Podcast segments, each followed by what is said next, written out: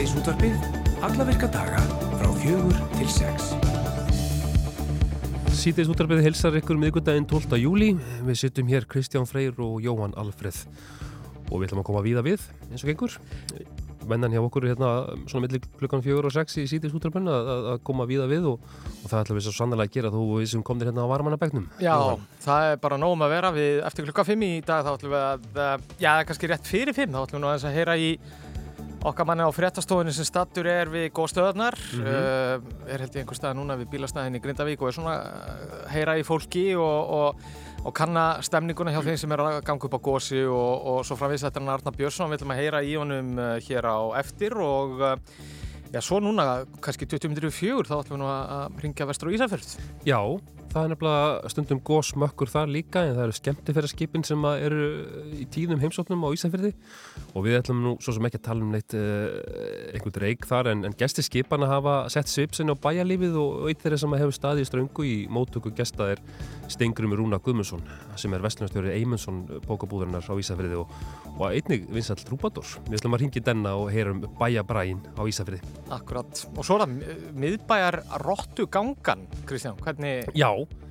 Það verður svo skemmtilegt, hérna, hún ætlar að koma til okkar, hún ætlar að rottastinga upp til okkar, hún auður Þórhalsdóttir, hún ætlar að segja okkur frá já, fjölskyldu göngu sem verður á, á morgun, uh, hún er höfundu bókanu um miðbæjarottuna og hún ætlar að leiða gönguna um sögustóðir bókana, það sem að vera heimsóttar með hann nokkra stittum bæjarins hérna í miðborginni og hún segir hér að, að ef stittunar eru grannskoðar þá má sjá litlar dyrað heimilið miðbæja rottana, þetta er svolítið forhundinlegt en auður alltaf að, hérna, segja okkur meira frá þessu. Já, þetta er spennandi. Og svo er hann Elton John, hann er nú í sínu síðustu tónleika för um mm. heiminn. Uh, er að halda bara sína síðustu tónleika á, á ferlinum og það eru margir Íslendingar sem að hafa viljað berja góðið augum áður en að hann sest í Helganstein og einn af þeim er uh, Haugur Heiðar Eh, söngari diktu og já, já. læknir, hann var á tónleikum Eldon uh, hvað í Stokkólmi bara núna á dögunum Rétt fyrir helgina, þá, þá skilst okkur að þetta sé bara loka áfangi þessara tónleikar raða sem að hófst hvað 2018 og þarna voru bara loka tónleikarnir og hvaðið stundin og Haugur heiðar alltaf að deila með okkur sinni reynslu á þessari, þessari fallegu stund Akkurat, en við ætlum að byrja í Vilnius uh, í Litáin, þar var nú að ljúka uh, leiðtóafundi NATO-ríkjana uh, og okkar maður, fréttamaður uh, Rúf er á staðnum, það er Björn Malkvist og hann er hérna í símanum og uh, já, hvað séur mér? Þá fundinu laukar það ekki bara núna, hvað er hátteginu í dag eða? Hún lauk, nei, hún bara lauk fyrir svona kannski einum og halvum tíma síðan með, með í rauninni blaðmannafundi Jens Stoltenberg, frangotastjóra NATO. Uh, rétt þar áður var svona síðasti funda, eh, liðurinn á fundinum, þessi séu svona formlegi liðurinn á fundinum, mm. það sem að, að leituar aðeldaríkjana 31 að tölu sátu með Volodymyr Zelenski uh, fórsetta Úkrænu á stoppfundi þessum að kalla hefur verið NATO-Úkrænu ráðið. Mm -hmm. Það var sem sagt uh, fyrsti fundurinn sem er haldinn í því ráði. Þannig að uh, leituhóðin eru svona óðum að týna sig heim, flestir hverjir. Sumir reyndar fara til Helsingi, þar á meðal Biden bannaríkja fórseti og fimm fórsetisráður á Norðalandana, þar á meðal Katrín og hitt aftur á morgun mm -hmm. en, en þess að fundunum er lokið ég er enda komin í bæ stendjarna út á götu við það sem heitir Íslandsgata í Vilnius Einmitt. og hann er þetta gaman að segja frá því svona áður en að við haldum lengra ég stend bentur saman kaffið sem heitir Elska Já. og ef við haldum að ef við haldum að elska sér orði í, í litáin sko þá var það ekki svo mm -hmm. heldur eigandin sem ég hitti hennar rétt á hann ég kæfti mér amerikano hann hann er svo, svo hrifin þessu orði í íslensku þannig að hann kallar kaffihús sitt, sitt elska af því að hann elskar kaffi Þetta er mjög skemmtilegt kaffihús Ertu þá að heilsónum svona sætleska þegar þú kemur á kaffihúsið? Hvað er það? Ertu þá að segja sætleska? ég veit ekki alveg hvort ég þekkja nógu vel til þess. Ég var bara að hitta hann, geði mig tíma. Já, En, en, ta en talandum sér miklu tengsl Íslands og Litáins að þá uh, er Katrín Jakobsdóttir að funda er það ekki með mm. um, fórsættisáþur að Litáin Jú, hún reyndar uh, ennum búin að því hún, hún, hún er vandalega legendur Helsingi hún fundaði uh, hér með Ingrid Simonattis uh, fórsættisáþur að Litáin, hún átti svona það sem kallaði á á stjórnmannamáli e, tvíliða fund, það er þeirra tveir funda. Hérna, hún átti þetta fleist svona fundi með Mark Rutte þar á meðal, uh, fórstættisáþur á Holland, en hún kom hérna nýri í bústaði, að skrifstofu fórstættisáþur hans nýri í bæ og við, ég sá aðeins framann hérna og, og reyndar talaði við, við Katrínu um, einmitt um niðurstöðu fundarins, uh, NATO fundarins, uh, vegna þess að og það kemur í sjómanbjörn klukkan 7 sko en vegna þess að Ísland hefur svona svolítið verið að marka sér þá stöðu að, að þau vildu sko Katrín og Þórtis Kolbrún utarikisvæður þær, þær, þær voru að tala fyrir mjög skýrum skilabóðum til Úkrænum varðandi aðild, þetta var náttúrulega stóra málið á þessum fundi. Mm -hmm. og, og svona það ég var að segja að það sjóna með sem, er, sem maður mátti finna hjá Íslandi hjá Baltneskuríkjónum, hjá Pólandi hjá fleirum það hefði svolítið svona orðið undir á þessum leðdóafundi vegna þess að, að það sem að gerðist var í rauninni að, að Úkræna fekk eh, sko bóð um að gangin í allarsvarsbandalegir en enga dagsetningu. Mm. Og það var það sem að og, Selenski var að pressaði svolítið á í byrjun fundar og fyrir fundin að, að það erði eru, tímasett, eða hvað? Já, þeir eru búin að vera að pressa mjög lengi á um það að aðeldaríkinn setja sér einhver, einhver tímarama, það verði gefin út einhver vegvísir um aðild og það svona síndist manni aðdafundarins og áfundunum að væri ekki að fara að gerast mm -hmm. en í sameinleiri yfirlýsingu sem var gefin út í gær uh, um, um fundin sjálfan og, og um Úkrænu þá komið mitt var, not, þá var notað orðið bóð þar að segja Úkrænu verður bóðið mm -hmm. hins vegar þá er engin tímasetning og er líka tekið fram að, að, að, að þeim verði bóðið inn þegar öll aðeldareikin 31 og reyndar bráðum 32 verða sammála um, um það. Og ég segi 32 vegna þess að vegna þess að hérna, deilan um Svíþjóð hún leistist daginn fyrir leituafund og, og Tyrkir letu loksar sinni anstöðu gegn því að Svíja gengju inn. Þannig að það mál var settlað en, en málið með Ukrænu er náttúrulega ennþá í, í fullum gangi og auðvitað stríðið í fullum gangi og innrásin í fullum gangi þannig að, þannig að það, kom aldrei til þess að Úkræna myndi gangin í bandalagi núna vegna þess að landið á í stríði og mm -hmm. Það, uh, uh, ríki sem að þannig er ástatt fyrir um get ekki sko gest aðilar. En, en það er eins og Katrín sagði og Þórti það er fullur vilji allra að Úkræna verði hluti af bandalæginu mm. Það er bara spurning um hvenar Já, og það er þá vantilega ekki fyrir en eftir átökum líkur eða einhvers konar friður kennst á. Já, maður skildi ætla það, við skulum tala valega um þetta alltaf mann, en, en uh, maður skildi ætla það að, að þegar að friður kennst á, uh, þegar að úkrænumenn myndu segja þegar við erum búin að sýra rúsana, uh, en þá, hérna, -hmm. þá, þá, þá, er, þá er leiðin greið og, -hmm. og það er svolítið, það er svolítið svona tótnin hér, sko, það er bara fullur stöðningur og veist, það sem að aðeldaríkinn voru að gera í dag og reyndar G7-ríkinn líka sem er hópur stærstu yfirríki heims, bandaríkinn, Breitland og fleiri mm -hmm.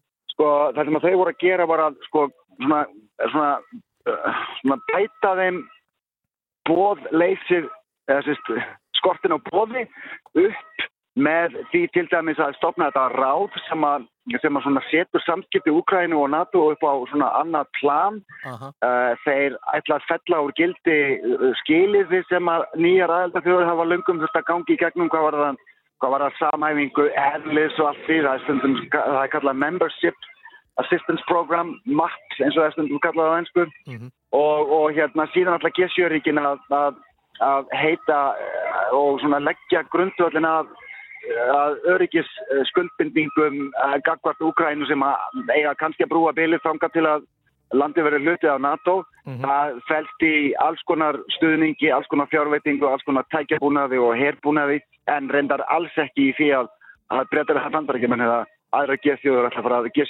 fara að senda herlið til Úkrænu, það er ekki, það er ekki sko Þú veist, það er ekki verið að tala um það. Meni, heldur þú Björn að Selenski hafi fengið kannski þau skilabóð þrátt fyrir enga tímasetningu og dagsetningu að, að Úkraina sé hérna nær NATO aðild en okkur sunni fyrr?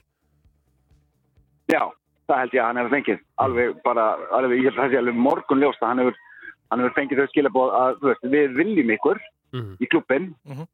Við bara getum ekki komist að samgóðumölaði akkurat núna um hvenar uh, uh, það er að segja hvenar eftir að veist, eftir að átökum líkur sumarþjóður hafa verið að benda á það þurfi náttúrulega að, að, þú veist, NATO hefur alltaf gert gröfur um, sko, að, þú veist, að, að, ríkis, að, að, að stjórnkjöfi í ríkjum sé, þú veist, ásættanlegt, að það sé, þú veist, ásættanlegt ástand líðræðis, að sé uh, spillingar mál sé, sko, þeim sé haldið í skefjum, allt þetta er endar óskup svipað og það er umbættur sem að Evropasambandu hefur verið að fara fram á gagvart Úgrænu, glemum því ekki að Úgræna er líka umsóknar ríki gagvart Evropasambandinu, það, það fær viðræður eða það er svona forviðræður í fullum gangi og það er búist því að raunverulega viðræður um aðeins Európa-sambandi hefðist jafnvel á þessu ári. Þannig að þeir eru að mjög uppteknir af því eins, eins, eins ankannalega eða kannski undarlega eins og það hljómar að þeir eru mjög uppteknir af þessar mánuðina að vinna í þessum umbótum sem er reyndar alveg frulegt eða mjög aðdáðanavert á sama tíma og, og, og það er stríð.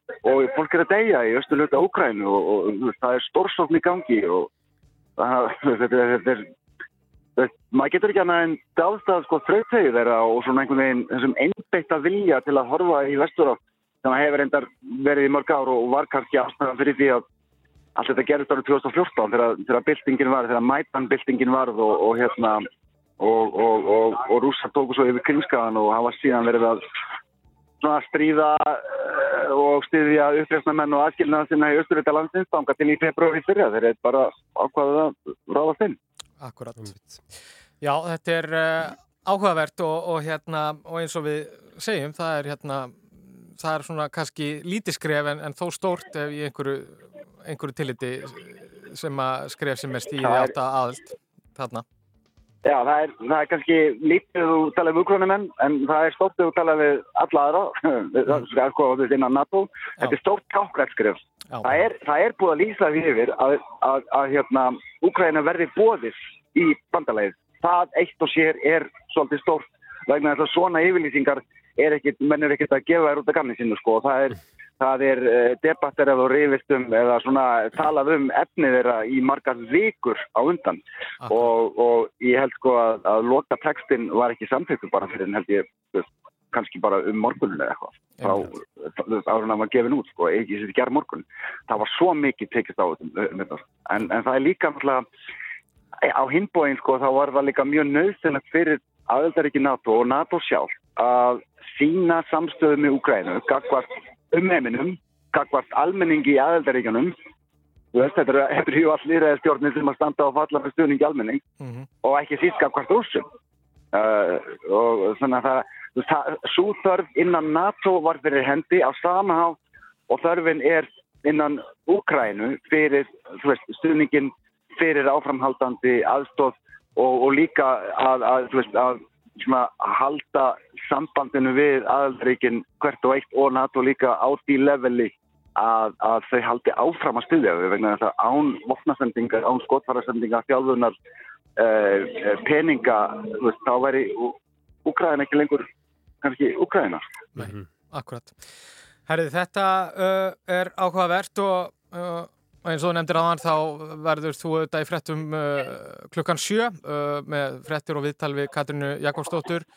Uh, en Björn Malmqvist uh, í Vilnius, uh, bara takk hella fyrir spjallið og, og við byggjum svo sannlega að hilsa kaffhúseigandanum á, á, á Elska. Ég, skri, ég skila því til mannsins á elska. Takk fyrir mig. Takk fyrir þetta, ertu blæsaður. Bless. Já, heyriði, þetta var hann uh, Björn Malmqvist, uh, frettamæður Rúf uh, í Brussel sem að statur í Vilnius og uh, það ætlum við nú að fara í fyrsta lægið hjá okkur í dag. Þetta er Páll Óskar og Miljónamæringarnir, Pappi vill Mambo. Já.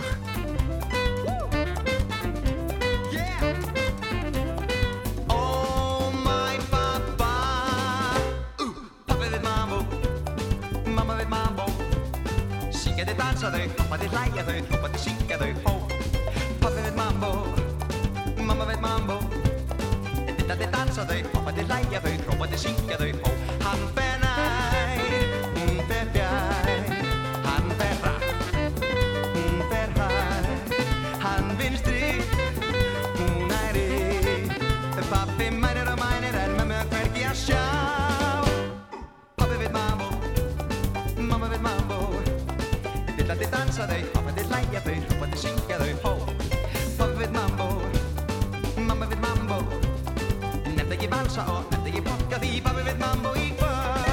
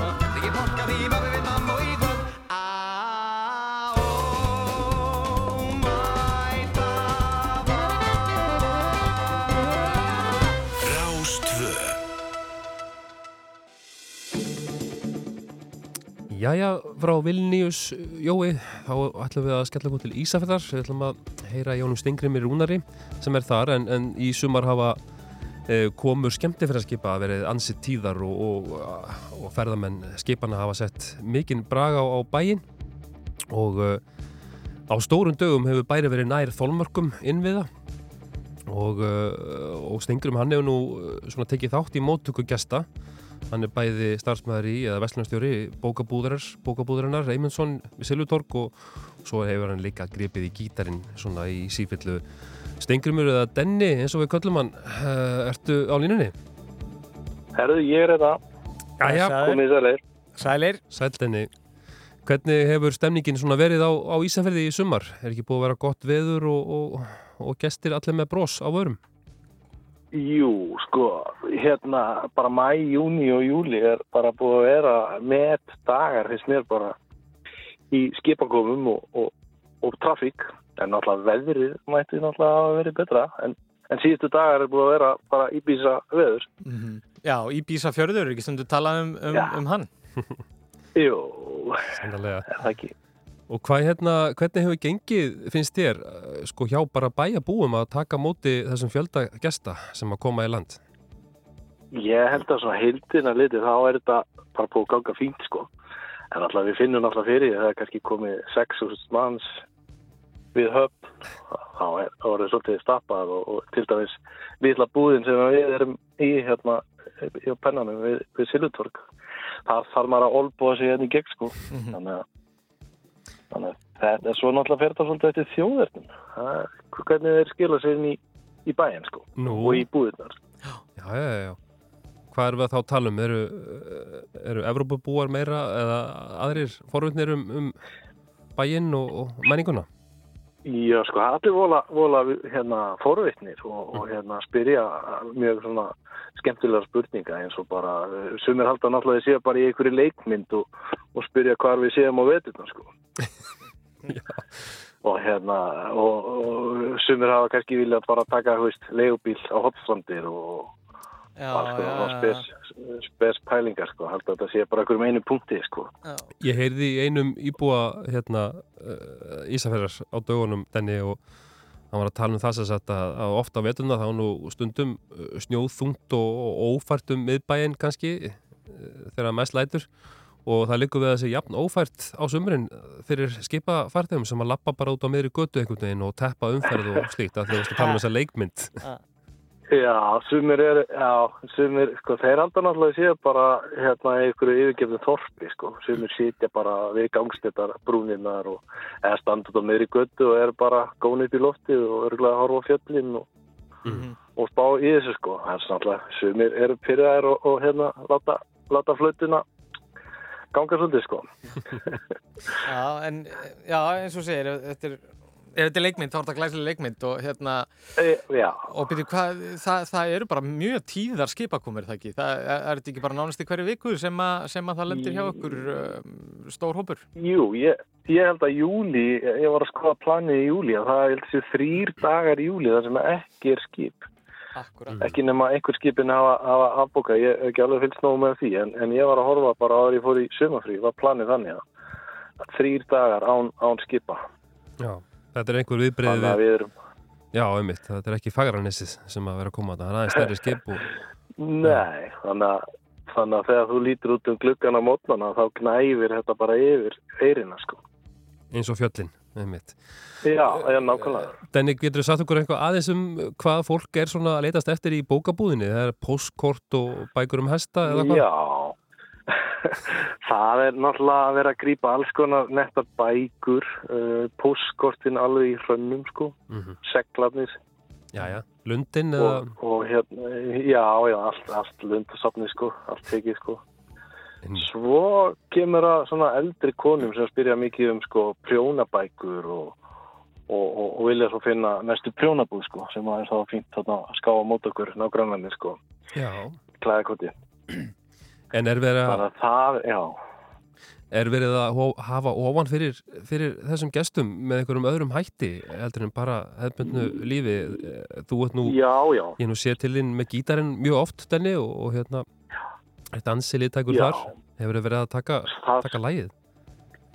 Já, það er nefnilega svolítið skemmtilega við það. Náttúrulega mikill hluti farþega að fara í, í ferðir, þannig að restin endar náttúrulega í bænum að vesla. En náttúrulega stór hluti farþega endar í rútu og, og er að fara þarna nokkra, nokkra ferðir um svæðið. Farið til Súðavíkur, Flatberar, Bólungavíkur, náttúrulega mikið á, á Dinjanda. Mm Og ég hef verið að hoppa inn í svona vorin svolítið og haustin, svona áður en sumar fólki kemur í þessu, sem er að vinna fyrir vestuferðir, að þá er eitt af stoppunum er að stoppa í eitthvað af þessum litlu kirkjum. Þannig eitthvað tólskirkju í Bólungavík, Flætirakirkju, Súðavíkirkju. Og þar býður þeirra þá einhver með hérna gítar eða eitthvað skemmtilegt og tak, tekur þarna, þú veist, nokkur íslensk lög, spjallar að þessu fólki og náttúrulega pissustopp. Þannig að þá hef ég fengið takkifæra að taka einhvað íslenskum þjóðlögum, Já, sálma, stál og nýfur. vögguvísur. Já, eitt og eitt uppalag, Akkurat. nöðsinn. Já, Og þar fær maður líka, þar fær maður líka spurningarnar, hvað, hvað maður sé að gera hérna á veturna og, Mm. og ég tala mikið um það hvað sé dimmt hérna á veturna og við býðum eftir sólinni í janúar og, og flytta á einhver sumarlög fyrir, eða dimmar, dimmar, dimmar vögguvísur Já, og, og tala um til dæmis um langaðu minn sem átti 21 bann sem hefur greinlega verið mjög upptekinn á, á, á veturna sko. það var ekkert í sjórfinu Við þá. Nei, nákvæmlega, ég tala náttúrulega mikið um það, það sé bara best að vera sem mest busy yfir, yfir vetratíman Mhm. til að lifa þetta af sko. Og þá fer ég líka að gera grína því hvað ég á mikið af frændum og frænkum á svæðinu sko, það var ágætt að hafa Íslendingabók sko þegar maður var kannski að fara út á lífi sko. Einmitt. Fólki finnst það mjög merkilegt sko, íslendingabók.is. Auðvitað. já. Áttu von á, á þessum skipakomum fram eftir hausti eða veistu einhvað um það? Já, ég sko, já, sko, þetta fer að róast í september og einhver síðustu, síðustu ferði verðist vera í oktober. Já. Þannig að Já. þetta er að fara að byrja fyrr og hætta setna, sko. Tímabilið er miklu lengra en það var. Mm. En já, já, það er orðið ansi langt tímabil alveg fram í, fram í oktober. Gott sumar. Já, þetta er, mér finnst þetta bara frábært törn. Er eiginlega skemmtilegra heldur en jólatörnum, sko. Já, akkurat. Svona fyrir mitt leiti, sko. Frábært. Það er gaman að heyra þessu, Denni, og hérna greinilega mikil, mikil stemning á Ísafyrði og ég vona bara að, að bæjar búið að taka þessu fagnandi, þessum, öllu þessum gestum sem að skoða hérna fjöllin og, og. Það setur skemmtilegan svip á, á bæinn þó að Mm. sé ekki allir, allir, allir sammála en það er bara þannig. Já, já, það er eins og alltaf bara er. En Denni Stengrimur Rúnar, við þökkum við kjallaði fyrir að, að, hérna, að spjalla við ykkur hérna í síðust útrafinu og, og byggðum bara kjallaði hilsa vestur á, á fyrði. Já. Gaman heyri ykkur. Takk fyrir. Bless, bless. takk, bless, bless. Já, það held ég nú. Það er hérna, já, við erum talað mikið um þessar skipakomur, bæði Já. fyrir vestan og, og auðvitað líka hér og, og bara víðar á landinu. Þetta er auðvitað orðin alveg tölu verið fjöldi sem Já. að fylgir eh, skipum. Stundum svolítið umdeilt, þarna kemur auðvitað mikið af fólki á stuttum tíma og svo er það bara farið einhvern veginn jafn harðan. Þetta er svona smá, Já, það er svona einhver gömur romantík í þessu. Það er. Hérna, já, Ég held að sé kannski eins og hérna í Reykjavík sko, ég held að, að uh, það sé margar uh, sko já, uh, hérna margi gestir sem koma hingað til Reykjavíkur og lenda hér á sínum skipum og koma ekki hérna í land, heldur fara með stóru rútum einhvað, út úr bænum og hérna ég man eftir því sjálfur hafa verið í miðborginni að selja póskort og bækur eins og denni og, og það var kannski svona einhverja hjarðir af, af gestum sem komu hérna síla kvölds eftir að hafa átt daginn kannski Já, á já, Gullfoss og Geysi og alls það þar. En Akkurat. þetta er svona, það er þetta er eins og Denni segir, það er, þetta er bragur, góðu bragur sem kannski fylgir þessu. Já, Og, hérna, þetta er, þetta er viss, stemning. Uh, Já, gaman að heyra í honum. Já, og uh, næst ætlum við að heyra í henni Adele. Þetta Já. er uh, já, eitt af hennar þekktustu lögum. Uh, það er Rolling in the Deep. There's a fire starting in my heart, reaching a fever pitch, and it's bringing me out the dark. Finally, I can see you crystal clear. Go ahead and space.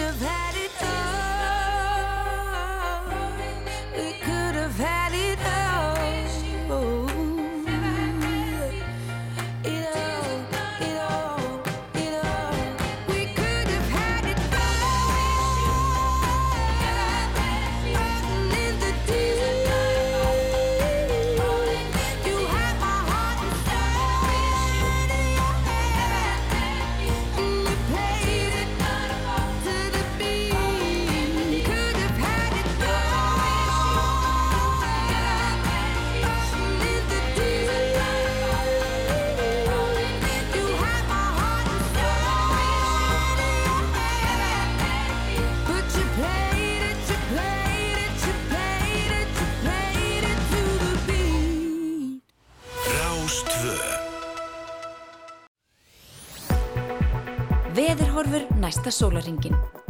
Já, ætlum að fara aðeins yfir veðrið hérna, Kristján, hann er, hann er aðeins farið að snúa sér til norðurs núna, það er norðanátt á okkur og uh, reynda blískapa veður hérna suð, á suðu vesturhóttinu og, og svona víða með fram suðuströndinni en En svona veðrið, það er svona aðeins að fara að snúa sér núna og maður sér það að bæði fyrir vestan og, og austan er svona, það er svona heldur óspennandi uh, akkurat þessa stundina en ef við horfum á bara landið allt næsta sólringin þá er gert ráð fyrir áframhaldandi norðlæri átt og víða 8-13 metrum á sekundu.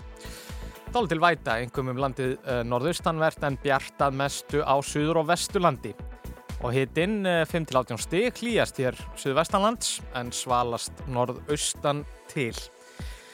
Og uh, já, það svona lítur út fyrir að, að svona, Svalari dagar Já, lítur út fyrir svalari daga framöndan uh, eins og ég sá held ég orðað á uh, viðvefnum blíku að það væri svona kuldastróka Já, já. á leið yfir landið uh, en það er búist hérna við all kvassri norðvestanátt um landið norðaustanverð mm. síðdeis á morgun og vestan til á landinu má jafnvel búast við slittu á fjöll, fjallvöðum norðaustan til og norðan til á, á hálendinu þannig að við getum bara hreinlega aftur séð smá snjó í fjöllum uh, núna næstu dag eins og gerist hérna á dögunum En ítryggum við auðvitað, þetta er náttúrulega bara hugleðingar veðurfræðings, Já, en það tökum við ekki ábyrð á þessu. akkurat, þetta eru bara hugleðingar enn sem komið er við bara býðum og vonum og, Já, já. og sjáum hvort það rætist ekki úr þessu en En það var nú eins og hér eh, fyrir nokkrum dögum síðan, þá var ég stættur hérna í sítugsútrafinu og við vorum að, að huga að því að, að nota öfuga sálfræði og segja að það væri ekkert enga líkur á gósi. Já, þá gerist það bara í beinni útsendingu. Ég, það er ekki nóg mikið talað um þetta. Þetta gerist nú bara í og- Já. eins og svo margt annað. Mm. þannig að ég er bara sammálaðið þessari Þannig taktík að það er blikur í lofti í veðrinu. eldur betur Einmitt. Já, En uh, þannig leitt þann út, við ætlum að halda áfram með smá tónlist hérna í sítiðis útvarpinu. Uh, það fyrir svona styttast í fimmfrættur en áður en að kemur að þeim þá ætlum við nú að slá á, já, setja okkur í samband við Arnar Björnsson. Uh, fréttamann hérna á fréttastofunni, hann er stattur held ég við afleggjaran og bílastæðin. Mhm. Það sem að göngulegin hefst upp að eldgósinu á Reykjaneskaga og við ætlum svona aðeins að hlera hann um, um heyrði ég talað um drifffells hraun. Já, ég sá það hérna í- á vefmyndavelinni, ég hafði ekki heyrt þetta örnefni áður Nei, en Kannski spyrjum að nartan út í þetta. Já, Mjög Driffels fallegt. hraun. Já. Það er ansi fallett. Uh, við ætlum að fara hérna hinga heim í tónlistinni. Þetta er hún Elín uh, Hall og lagið hennar Vinir. Flott.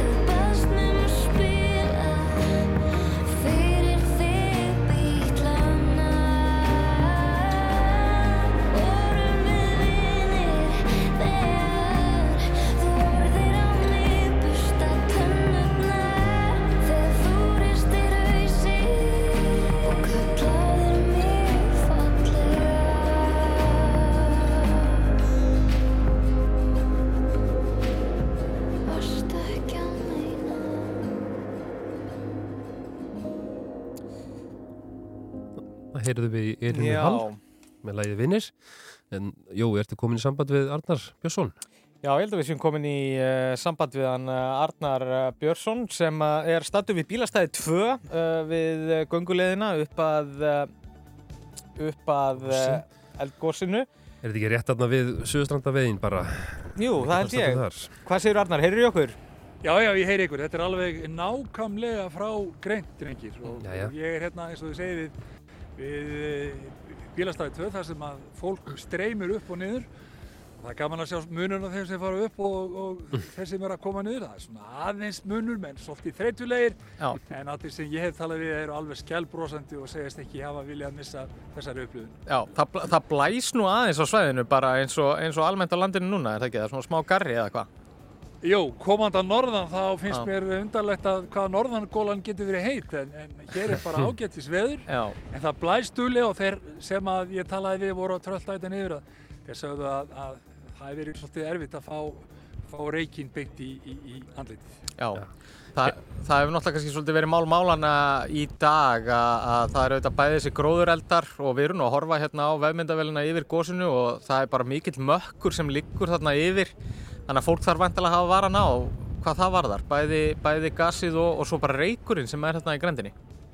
Ég held að það sé eh, alveg ábyggilegt að, að eh, það þarf að brína fyrir fólki að vera ekki að, að ana þarna uppbyttir en það er frábært viður og lauruglan er, er hér mjög sínilega að stjórna hér umferð þannig að þeir sem ætla að leggja leið sína að góðstöðunum og leggja í en þegar það líður á daginn eftir vinnudag kannski að það er þetta að fá hér eh, fullt af bílastöðum þeir eru búin að taka hérna í nótkun enn starra, starra svæði og þeir eru að stjórna umferðinni að þetta var þannig í gæra þá fylltist allt hér og menn voru að leggja hérna við, við afleggjaran sem að liggur upp að, að bílastæðinu og það var til vandraða en nú eru búin að leysa úr því og þeir reyna að greiða götur þeirra sem að hinga að koma. Arnar, hvernig finnst þér fólk vera búið, svona þau sem er að ferðast þarna uppbyttir? Er þau í góðum skóm og, og vel klætt? Þetta kostu, kostu alveg kaldur á mig því ég náttúrulega maður horfur bara framann í fólki og, og er ekkert, ekkert að huga, huga skópunum en ég, ég kíki núna og ég sé að menn eru svona vel skettir og uh, reyndar misjant en menn eru hér á einhverjum gömlum, gömlum uh, klumpum sem þeir hafa fundið einhver staður og eru að trilla og, og eru orðir vel molduðir Ég held við varum stattir í tískuspjalli, Arnar, Þetta er smá miskilningur hjá mér, fyrir ekki ég, ég tek vilja fyrir verkið. En hvað myndur þú segja að þetta væri uh, svona að meiri hluta til uh, erlend ferðarfólk eða, eða er þetta mikið til Íslendingar? Sko ef eitthvað er að marka tölfræðina með þetta, það fólk sem ég stoppaði og talaði við að þá er þetta lang að stærstum hluta uh, erlendir ferðamenn, uh, hitti þarna fólk frá Kína, Hollandi, Frakl, uh, Belgíu og Þýskalandi meðan annars sem að uh, lét vel að þessari upplifun sinni og, og, og sér alls ekki eftir því að hafa komið til Ísland. Svo hitti ég nú reyndar Íslandika sem að sögðu mér að, að flestir sem að uh, það fólk hafi mætt að, að það væri, uh, væru erlendir ferðamenn. Akkurat. Þetta er, þetta er svolítið löng ganga, eða ekki? Þetta er alveg eh, 10 kilometrar, hvor, hvor, hvor leið? Það þarf að Já, segja. þetta eru nýju, nýju kilómetrar skilst mér og já. uh, ég með þennan svona þennan gangurhæði hjá þessu fólki að þá voru menn sem voru höfðu lagt á stað uh, klukkan tíu voru að koma niður fyrir svona tæpum klukkutíma og fólkið auðvitað stoppaði og staldraði við í einhvern smá tíma en, en, en þetta er drúfusbölur og, og menn þurfa að vera vel klárar í slæðin. Akkurat. Og það er svona eins og við höfum aðeins verið að ræða. Þetta er náttúrulega, nú er þetta, hefur þetta verið árvis viðburður uh, að það gjósi á Reykjanesskaganum. Þannig að uh, kannski að Íslandingar séu ekki eins óður og uppvægiri að drífa sig upp á gósi eins og kannski síðustu tvö sumur. Ég hittur nú reyndar eitt sem var með, með hjólest með sér og var að, að leiða hann og ætlaði að hjóla upp að góðstofunum. Hann fór 15 sinnum að, að góðstofunum held ég í fyrra Aha. og uh, einu svona hjóli þannig að sá er öllu vannur og menn geta farið hérna, menn er að fara auðvitað upp á esinu nokkru sinnum, kannski nokkru sinnum á dag en þessi er alveg ákveðin því að halda þessu bara áfram. Það hljómar ekki illa og þú verður náttúrulega á staðnum áfram og, og vantala ver, verður, þú verður vantala gripinn inn í sex fréttir í útvarpi og sjö fréttir í sjónvarpi, eða hvað? Já, já, við, við, við stöndum hérna við Arnór myndatökum maður og, og fylgjumst með hverju fótbóli og sáum hér björgunarsveitabíl koma niður á blikkandi ljósum og, og náttúrulega rökum til, heldum að þarna hefði orðið stór slís en þá var bílinn bara að, að kanna leiðina og það var ekkert í gangi. Prófa ljósabúnaðinn og slíkt. Nákvæmlega. En Aðalega viðbrasaðalar... stefnuljósin. Já, en viðbrasaðalar laurugla og slísátafélagi, þetta, þau eru frekar, frekar hérna snögg að bregðast við þessu öllu saman og, og, og taka móti fólki og svona, þannig að þetta var allt, allt í raun og veru bara tilbúið einhvern veginn. Já, já, ég, var náttúrulega, maður gerir ekki annað heldur en að darsta björgunarsveiturum og því starfi sem þar er unnið. Nú reyndar illa manna vaktir í dag því að þetta eru menn í fríum og uppteknir annar staðar búin að, að ráðstafa sér. En fólk að koma að uh, víða til þess að leggja hönd á plóg. Og það er alveg ljóst að, að, að þetta fólk er að leggja hér heldur betur uh, gott til málana. Já, og væntalega kannski komin svona þokkaleg reynsla þegar það kemur að svona áallunargerð og, og svona ferlunin í kringum þetta allt saman. Já, ég nefndi nefnilega, nefnilega við einn ein sem ég talaði í dag að þetta var orðið arvist þannig að þeir kynnu þetta allt saman og geti ekki glemt þessu svona 1, 2 og 3 þannig að, að kunnáttan og reynslan þetta í staðar og svo bara nýta hana. Akkurat. Herðu, það bara besta mál, uh, gott að heyra frá þér og, og hérna og við fylgjumst með í, í frettum bæði í útarpi og, og sjónvarpi á, á eftir. Gæði hérna! Takk hérlega. Takk fyrir. Já, þetta var hann uh, Arnar Björnsson sem er statur í bílastæði 2 uh, í áttina að gönguleðinu upp að uh, gósinu við Littla Hrút. Nú, það fyrir nú að styttast í, í fimm frettir en, en fram að því ætlum við nú að heyra allavega eitt lag og, og skilabóð. Við ætlum að fara yfir í Madison Beer, þetta er lagið Home to Another One.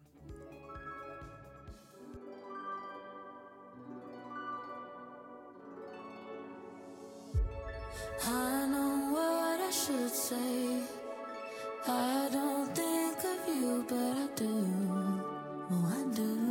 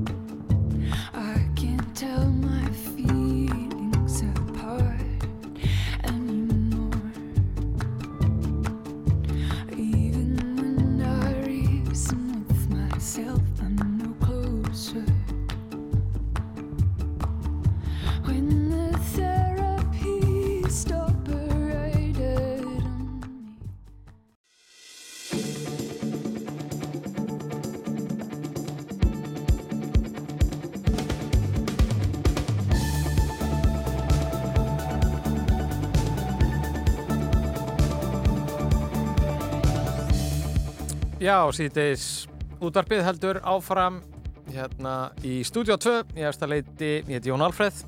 Já, og með honum Jóhann er ég, Kristján Freyr og við erum búin að fara við, koma víða við og, og, og það er ekkert lát á því.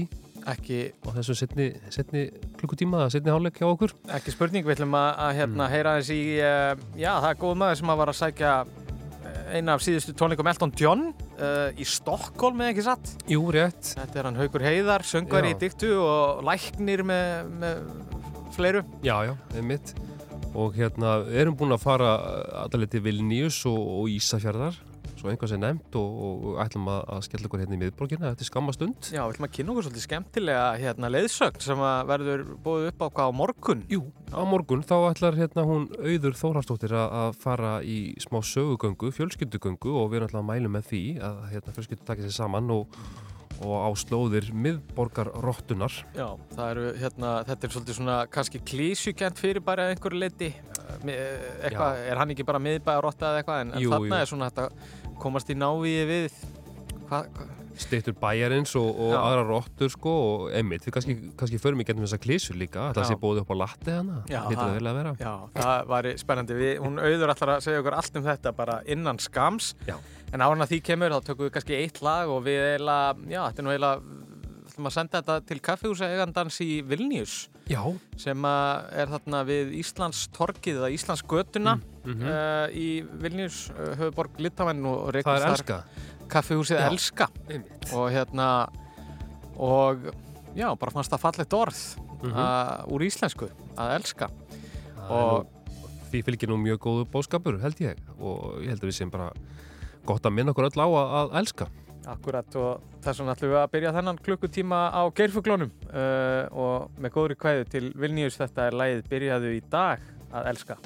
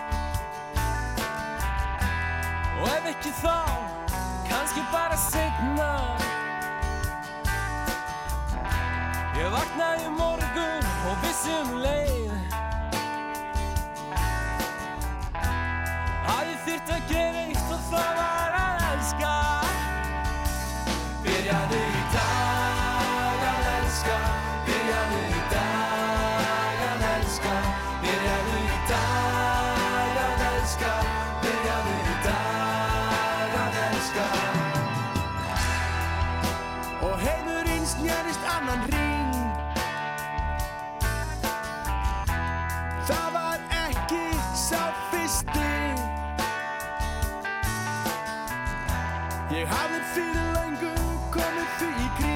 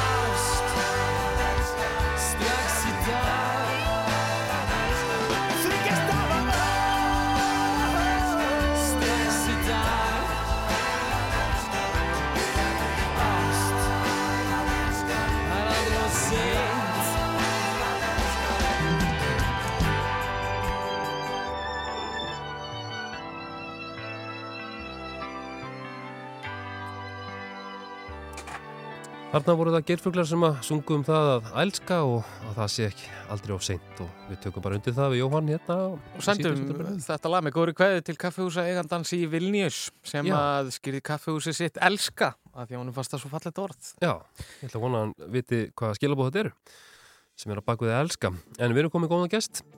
Já. Hingaði í síðdeis útarpið. Það er hún Auður Þórastóttir.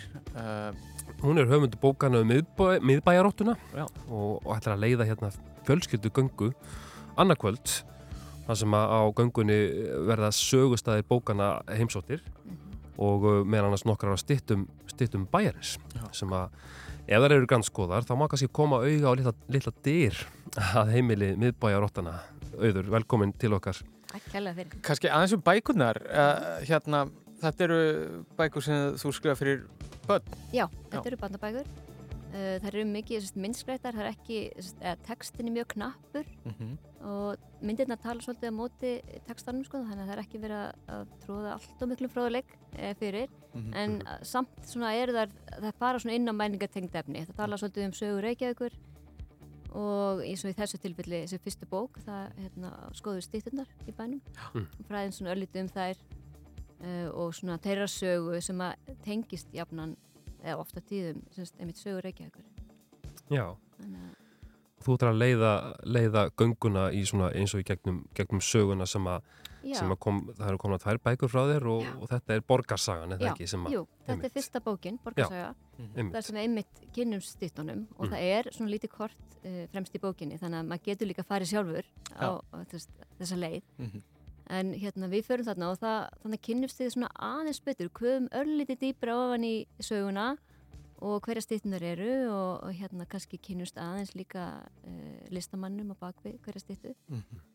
Þannig að hérna, já, það er svona pílið dýbra enn í bókunum en samt sem áður er þetta fjölskylduganga og Já. hérna, þetta verður bara gaman og við ætlum ekki að vera allt of fróðleg eða svo leiðis en hérna, við ætlum svona kannski smá ævintýra leitt eins og kom fram að náðan með ditnar. Já, Þannig að við erum kannski aðeins að líka að leita, sjá hvort þið sjáum kannski rottunar eða heimilið þeirra, því þær búa einmitt í stittunum í bænum, sko. Frábært. En hérna, að þetta er nú barnabækur eins og minnist á, er ekki öllum holdt, börnum á öllum aldri reynlega að kynnast þessum stýttum Jú, betur. Ég, jú, nú, einmitt. ég veit að þið, Auður og Jóhann, eru miðbæjaróttur, svo maður segja. Ég er þannig reyndir ekki, alveg, alveg utan á landið eins og maður segir, en hérna, hef haft svo gaman að því að búa hér síðustu 20 ára eða pluss og, og kynast þessu öllu saman, en ég ætti nú kannski að kíkja í þessa göngu á morgun.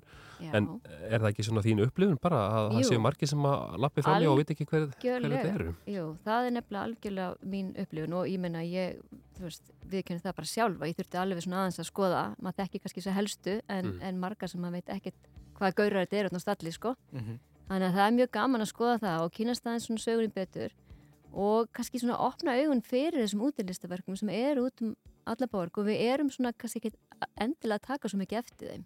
Því við verðum svolítið samtuna uh, umhverjun okkar. Mm.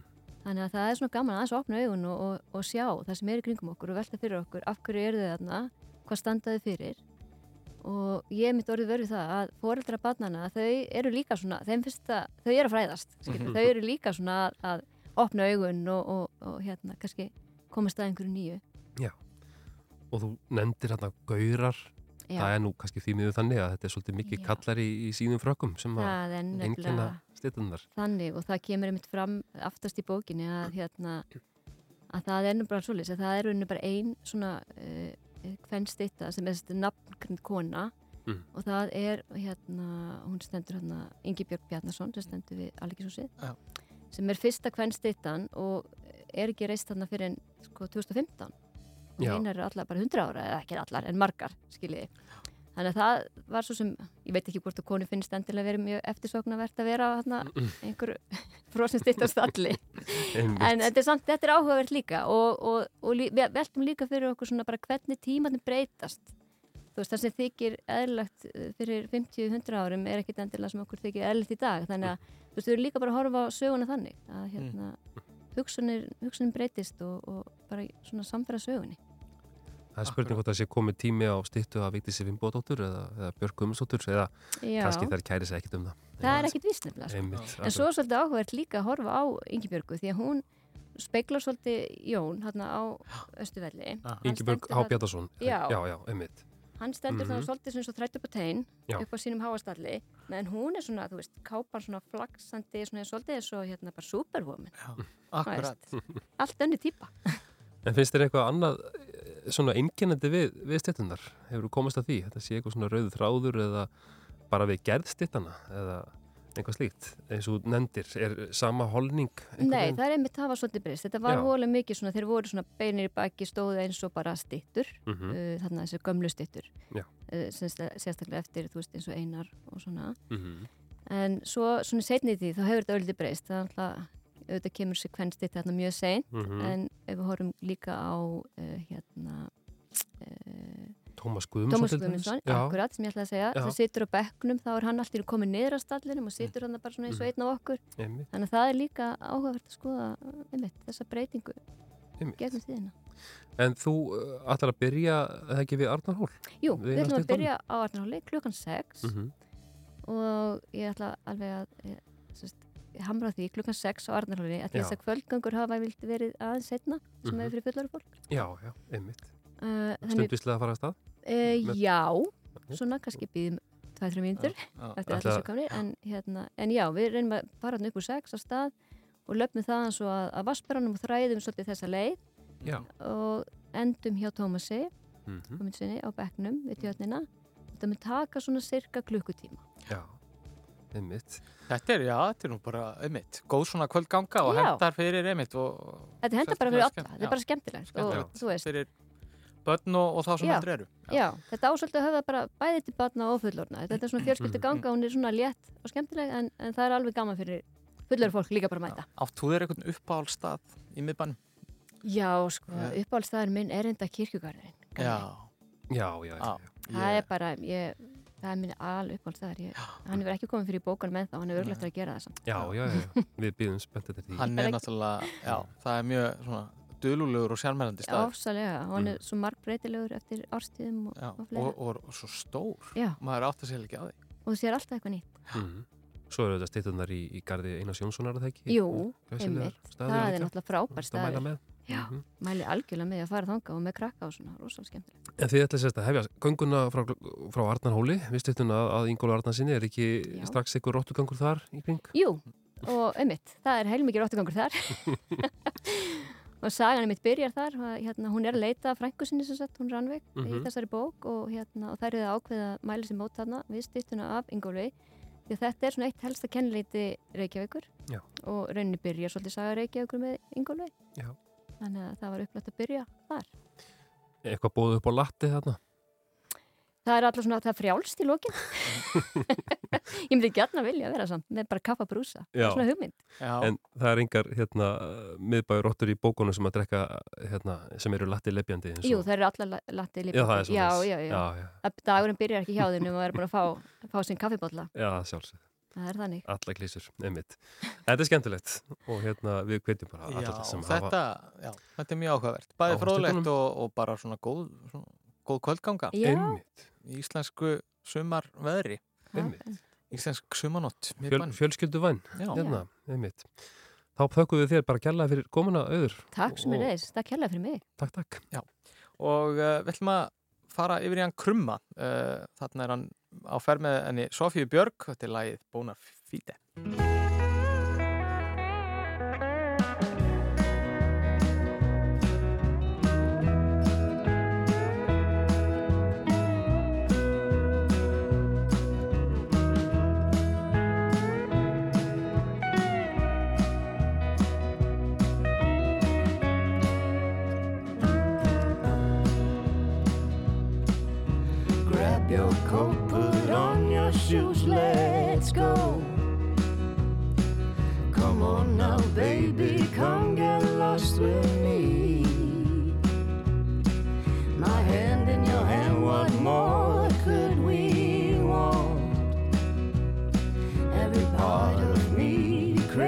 your company.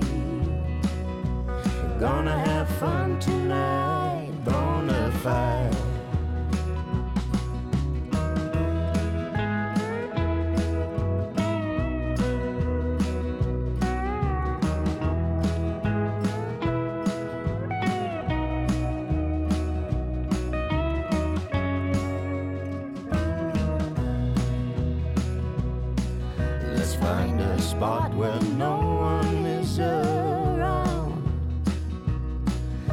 You and me and a big bottle of wine. Gonna have fun tonight, bona fide. Gonna have a hoot and Annie come outside. Don't waste your time on fools, let's have fun.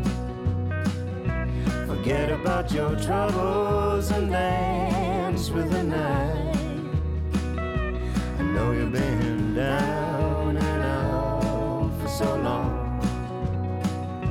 I wanna lift you up and have a good time.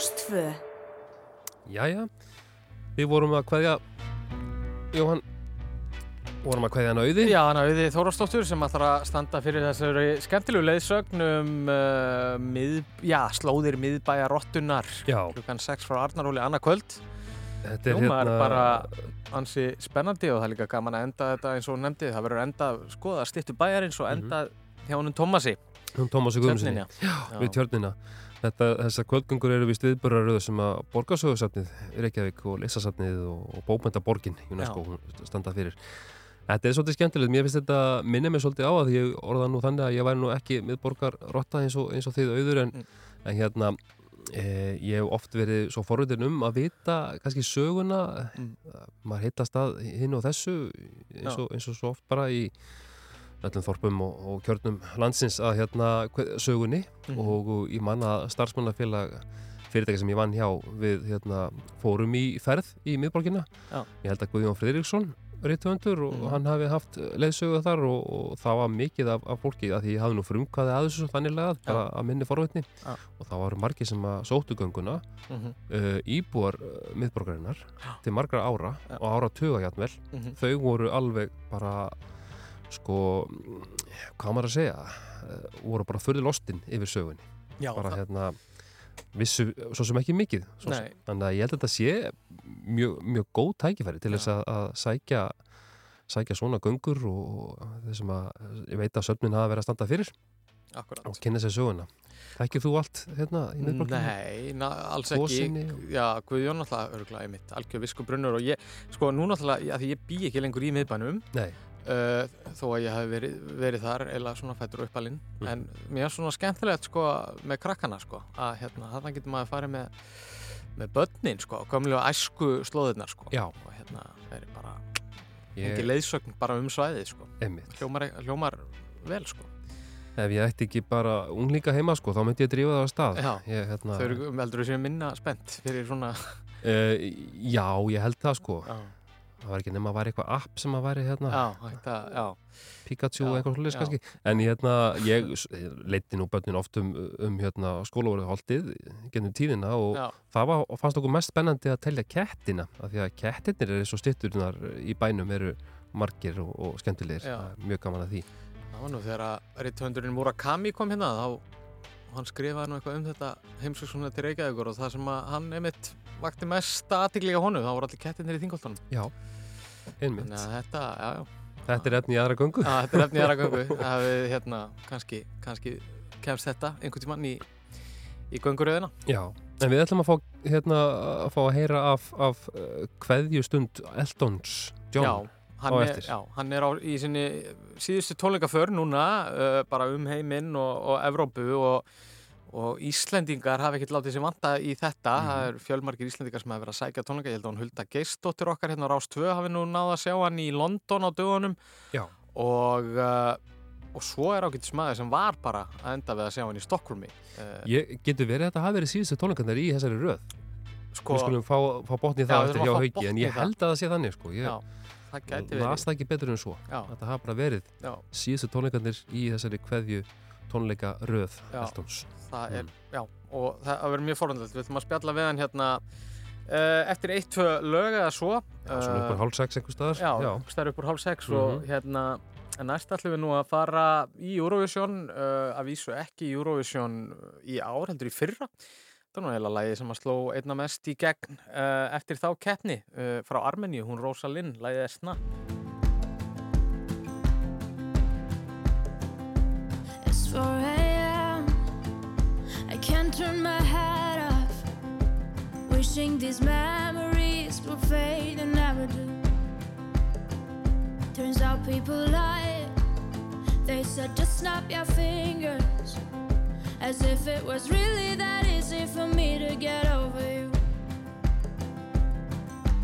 I just need time. Snapping one, two. Where are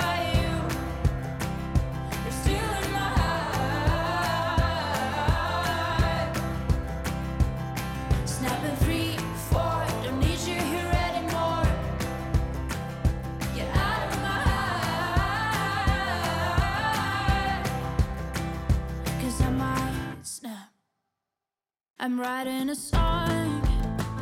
Said this is the last one. How many last songs are left? I'm losing count. Since June 22nd, my heart's been on fire. I've been spending my nights in the rain trying to put it out. So I'm snapping one, two. Where are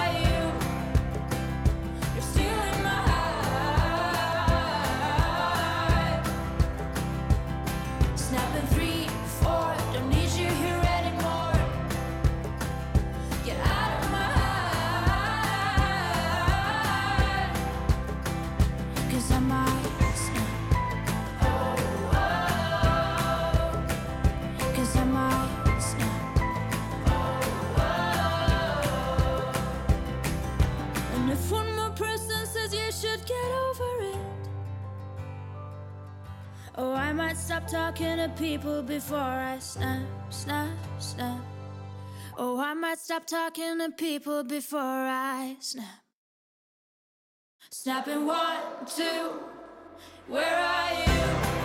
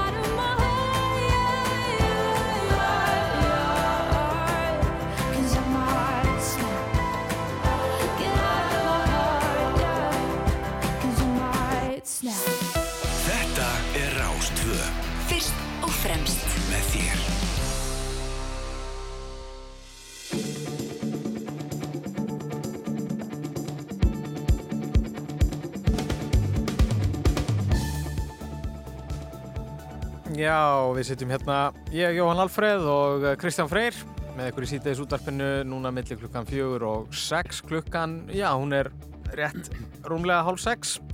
er að styttast í sexfrettir og við förum, já, svona styttist í þessu hjá okkur í dag. Við ætlum reyndar að slá á hann uh, Haug. Heiðar, söngara dyktu, sem að var nú bara vitnað sögulegri stund á dögunum. Uh, þegar að Elton John söng mögulega sinn síðasta tón.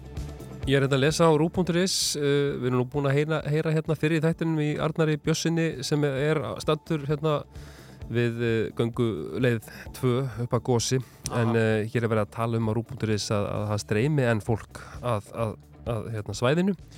Og Jón Þór Vílundsson upplýsingafulltrúi Slísatafélagsins landsbergar segir að allt og mörg dæmi séum að fólk færi sér að voða og gangi hættilega nálægt gósinu Já. og við náttúrulega viljum ítrykka það að fólk eigi nú að fara varlega það sé nú ekki að bjarga þeim sem að, sem að æða út á hraunið eða, eða ofan nálægt og það er náttúrulega þessar þessi, þessi gósmökkur eða það er að segja, reykurinn allur og, og hann sé nú ekki endilega svo hollur Akkurat. langt í frá. Mm. og það er náttúrulega hefur verið tekin upp gjaldskilda aftur uh, á bílastæðinu hérna við uh, já, við leiðin að, að meradölum sem sagt bílastæðin sem voru sett upp hérna í fyrra Já.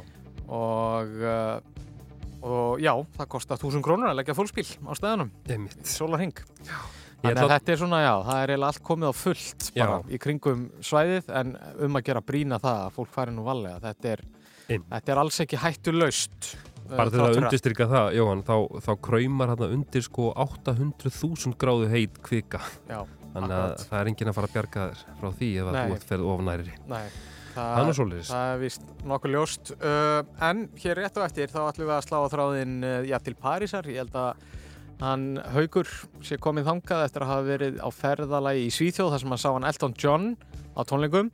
Við ætlum aðeins að forutnast um þetta hefur vantarlega verið mikil æfintra ferð en áður en að því kemur uh, fáum við eitt lag hérna. Við ætlum að fara í Já, þetta er skandinavísku slagari og talandi um, við erum að fara að ringja og forutnast um tónleika sem framfór í Svíþjóð, þannig að við ætlum að heyra í sænski hljónsveit. Jú, jú, til að hita ykkur upp aðeins, setja ykkur í stellingar. Þetta eru uh, Peter, Björn og John. Petter, Björn og John. Já, þetta er alvöru slagari. Petter, Björn og John. Læðið er Young Folks.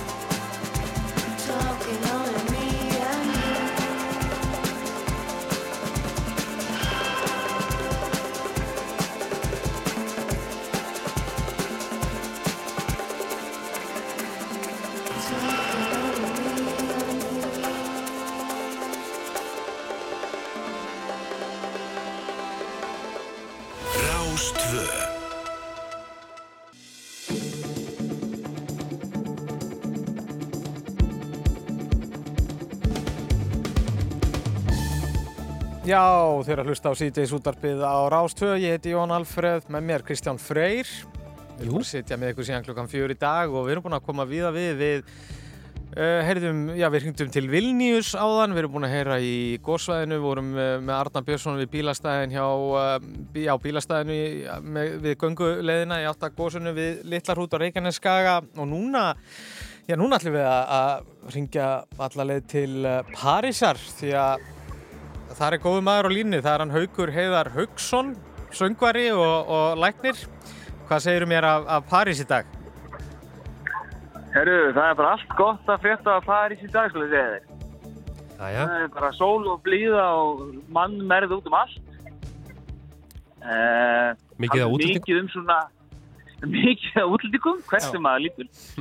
mikið af svona, já, ég veit ekki sér mikið af svona lauruglu fólki og, og tíum líku því við komum í gáður en það er vantilega út af þessum mótmálum sem hafa verið þetta í gangi undanfarið. Sko. Já, nú er náttúrulega styttist í Bastiludaginn og það var eitthvað verið að, já, það var eitthvað verið að búa þessu undir að það er eitthvað, þó að þau hafi nú kona niður, uh, að það myndi eitthvað gjósa upp í kringu það.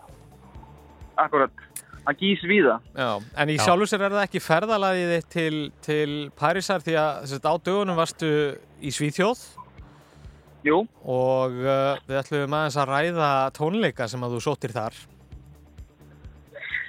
Já, ég Já. skellti mér til Stokkólms síðustu helgi. Haukur, já, þú hérna, við heyrðum að því og sáum fallega mynda þeir í glæsilum glansjakka þar sem að þú varst á undirbúði fyrir tónleika Eltons John og hérna þetta var, eh, voru þetta ekki bara síðustu, síðusti áfengin í þessari tónleika röð Eltons frá 2018 sem að þú varst vitnið að? Jú, hann ákvað að taka einn lokatúr og hérna og hann er ekki búin að segja að hann myndi aldrei spila aftur en hann allavega aldrei túra aftur um heiminn. eins og hann er búin að gera sleipi lögstilega frá 1970 kallinn sko Já.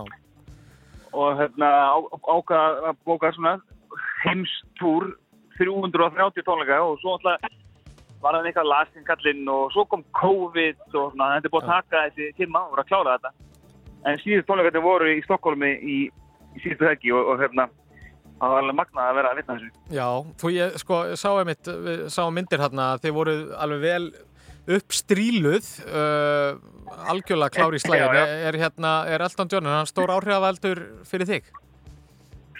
Hann er það raun og veru, já. Ég, ég hérna, sýstin ég átti eldir sýstur og á, tvær eldir sýstur og önnur þeirra hlustaði mikið Allan John og, og hérna, ég rendi ykkur með einhverjum eh, hérna, plötu eða disk sem hún átti og hlustaði mikið á það sem, sem, sem barn, sko. Þannig að ég hlustaði mikið á hann svona sem yngri árum, sko. Og þú eh, spilar náttúrulega jæmt á, á piano og gítar með hljómsdeinni Diktu. Er það ekki rétt? Og, Jú. Er mitt, en uh, Elton hann nú spila nú bara á píanóið þannig að þú ert kannski aðeins hæfileikaríkari en hann, en samt. Já, það má alveg segja það. En Það hvað má var, alveg segja það. Ég er svona aðeins lengra með þetta. en hvað var Elton að bjóða upp á? Var þetta bara svolítið svona æfi ágrip í formi lagana eða hvað? Já, þetta var náttúrulega sko örgulega 2 og 40 eða eitthvað á lengt tónleikar, sko. það var langi tónleikar og ekki Já, hlje og hann bara alveg kerði í þetta og hérna og komst ég að ég eftir að hann var búin að hérna, láta hann eitthvað svona búnað sem hann færi, hann spila alltaf flíil sko, að flíil er svona færiðist um sviðið. Ekki stöðugt, ekki svona að það var ykkur leiktæki sko eða ykkur, svona, svona af og til fór flíil um sviðið, þetta var reyta svið þannig að hann var ekki alltaf á sama staðkallin sko. Og, hérna, og fóð bara yfir allan ferilinn raun og veru, bara frá A til Ö sko, þetta er náttúrulega 53 ár, hann byrjaði 1970 Já. Þannig, að- og eins og ég er búin að vera að allan tíman eða og búin að vera toppni vel þessu listamæður allan tíma sem er svolítið magna sko. það er fáir sem einhvern veginn hann gáði út lag bara fyrir tveimur árum eða eitthvað sem fór toppnum allan heim sko. það er útrúlega magnað sko. Já, það er bara ótrúleg einhvern veginn tónlist í honum. Það er bara, hún flæðir bara einhvern veginn Já, ekki texta samt Nei, reyndar. reyndar. hann er ekki mikið fyrir, fyrir orðin sko. Hann er, já. og hann getur ekki sami texta sko. Já, einmitt. þannig að hérna, Einhvers stað las ég haugur að hann hafi spilað fyrir framann yfir 6 miljón manns á tónleikum undanfærin 5 ár. Þessari síðustu tónleikaröð. Og þetta sé eh, mögulega fyrsta tónleikaröðin, í sögunni sem að hafi selt miða fyrir 900 miljónir dollara einhvað svoleiðis fyrir þá sem að hafa áhuga á peningum. En hérna, Já. þetta er búið að vera rosaleg bara og söguleg tónleikaferð og röð, hvenær getur þú miða á þessa tónleika í Stokkólmi? herðu, ég kefti með það fyrir árið síðan, cirka og hérna og bara vorum að, einmitt, á öðrum tónleikum. Ég fórum með dóttur. Nú, nú, Já. við heyrum ekki í þér haugur Já, nú hefur slitnað. mögulega aðeins. Þetta er svona smá áættu aðriði þegar að Við ringjum. það er langt á milli. Já, já, akkurat. Við, ég hef vorið vitnað svona stundum í útarpi. En ég ætla nú bara reyn- reynilega að vona að það sé ekki óerðir eða neitt, neitt slíkt. Nei, það er sé bara spurning hvort að okkar maður hafi dottið úr sambandi eða hvort að bara síminn hreinlega hafi gefist upp. Við hérna mm, við kannski prófum að slá aftur á, á þráðin uh, til hans haugs uh, til að klára þetta samtal eftir uh, skamastund en verðum við ekki að heyra í honum Elton John fram að því ah, Ég ætla að fara að byggja það Það var, það var nú eiginlega þú sem að panta er þetta lag með Elton af því að sko ég, sko ég var búin að nefna hérna einhver fimm lög Æ, æ. a- allt einhver algjör klassikara svo komst þú með þetta lag og ég var smá svona já, heyrðu, þetta er enda svolítið gott yep. þannig að hérna Það er Daniel Það er Daniel. Já. Þannig að við ætlum að hlýða á hann Daniel og sjáum svo hvort að við náum að ljúka sambantalinu við hann Haug eftir skamastund Jó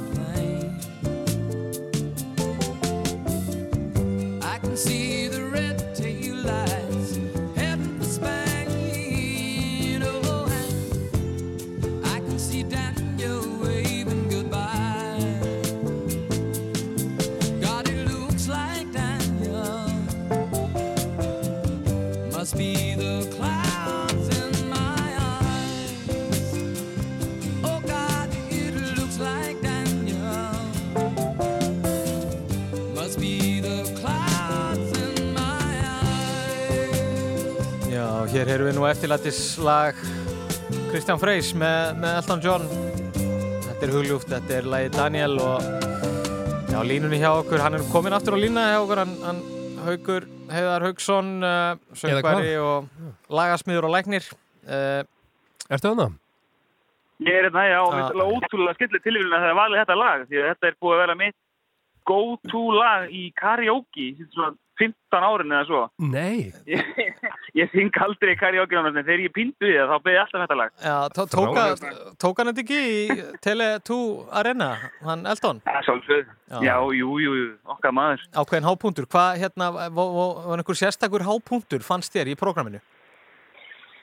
Eh, það var, sko, það er, hérna, Tiny Dancer er alltaf svona djúft í hjarta mínu, þannig séð. Já. En það var geggjað þegar hann tók það. Og annar lag sem að ég, hérna, kynntið bara í setjandi sem heitir Take Me to the Pilot, sem er útrúlega skrítið lag, Mm. en samt eitthvað svo geggjað.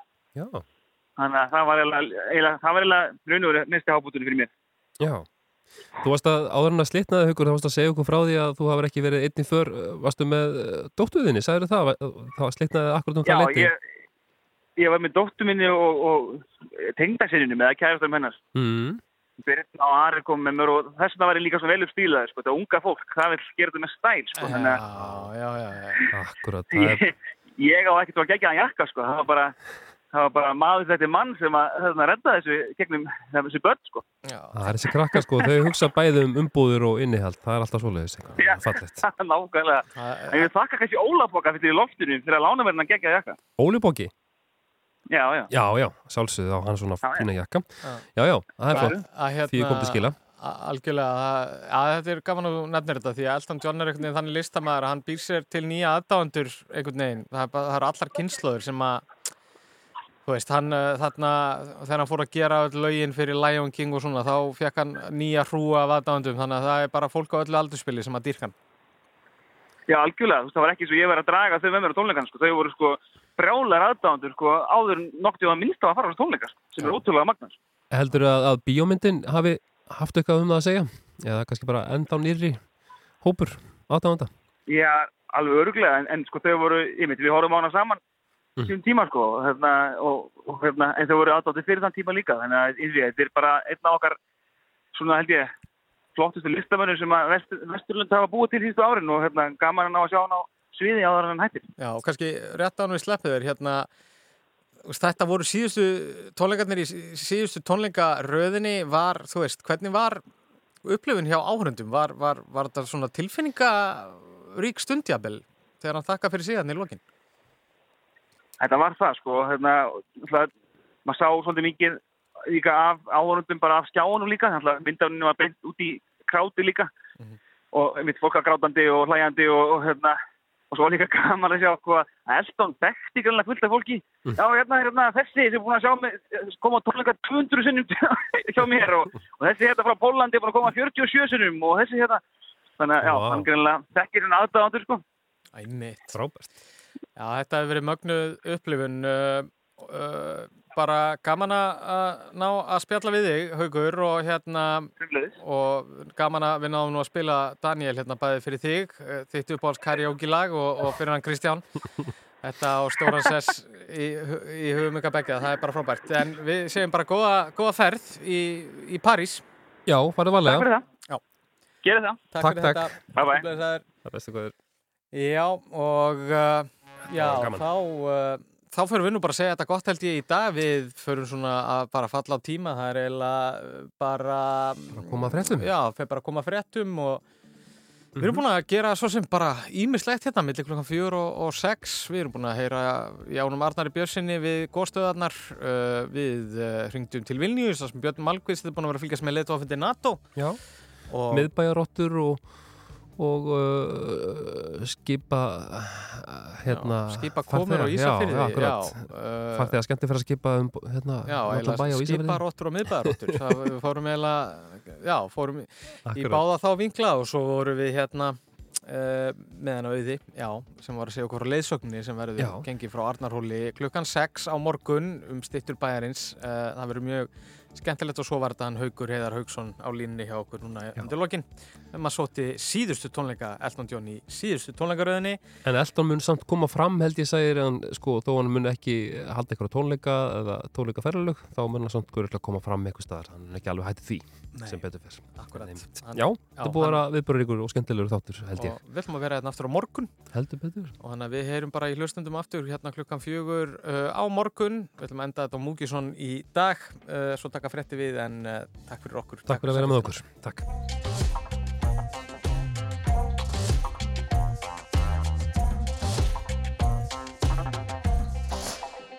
Er hell olíu á enn og neistar fjúka um Lofur kift og send með blíðum augunum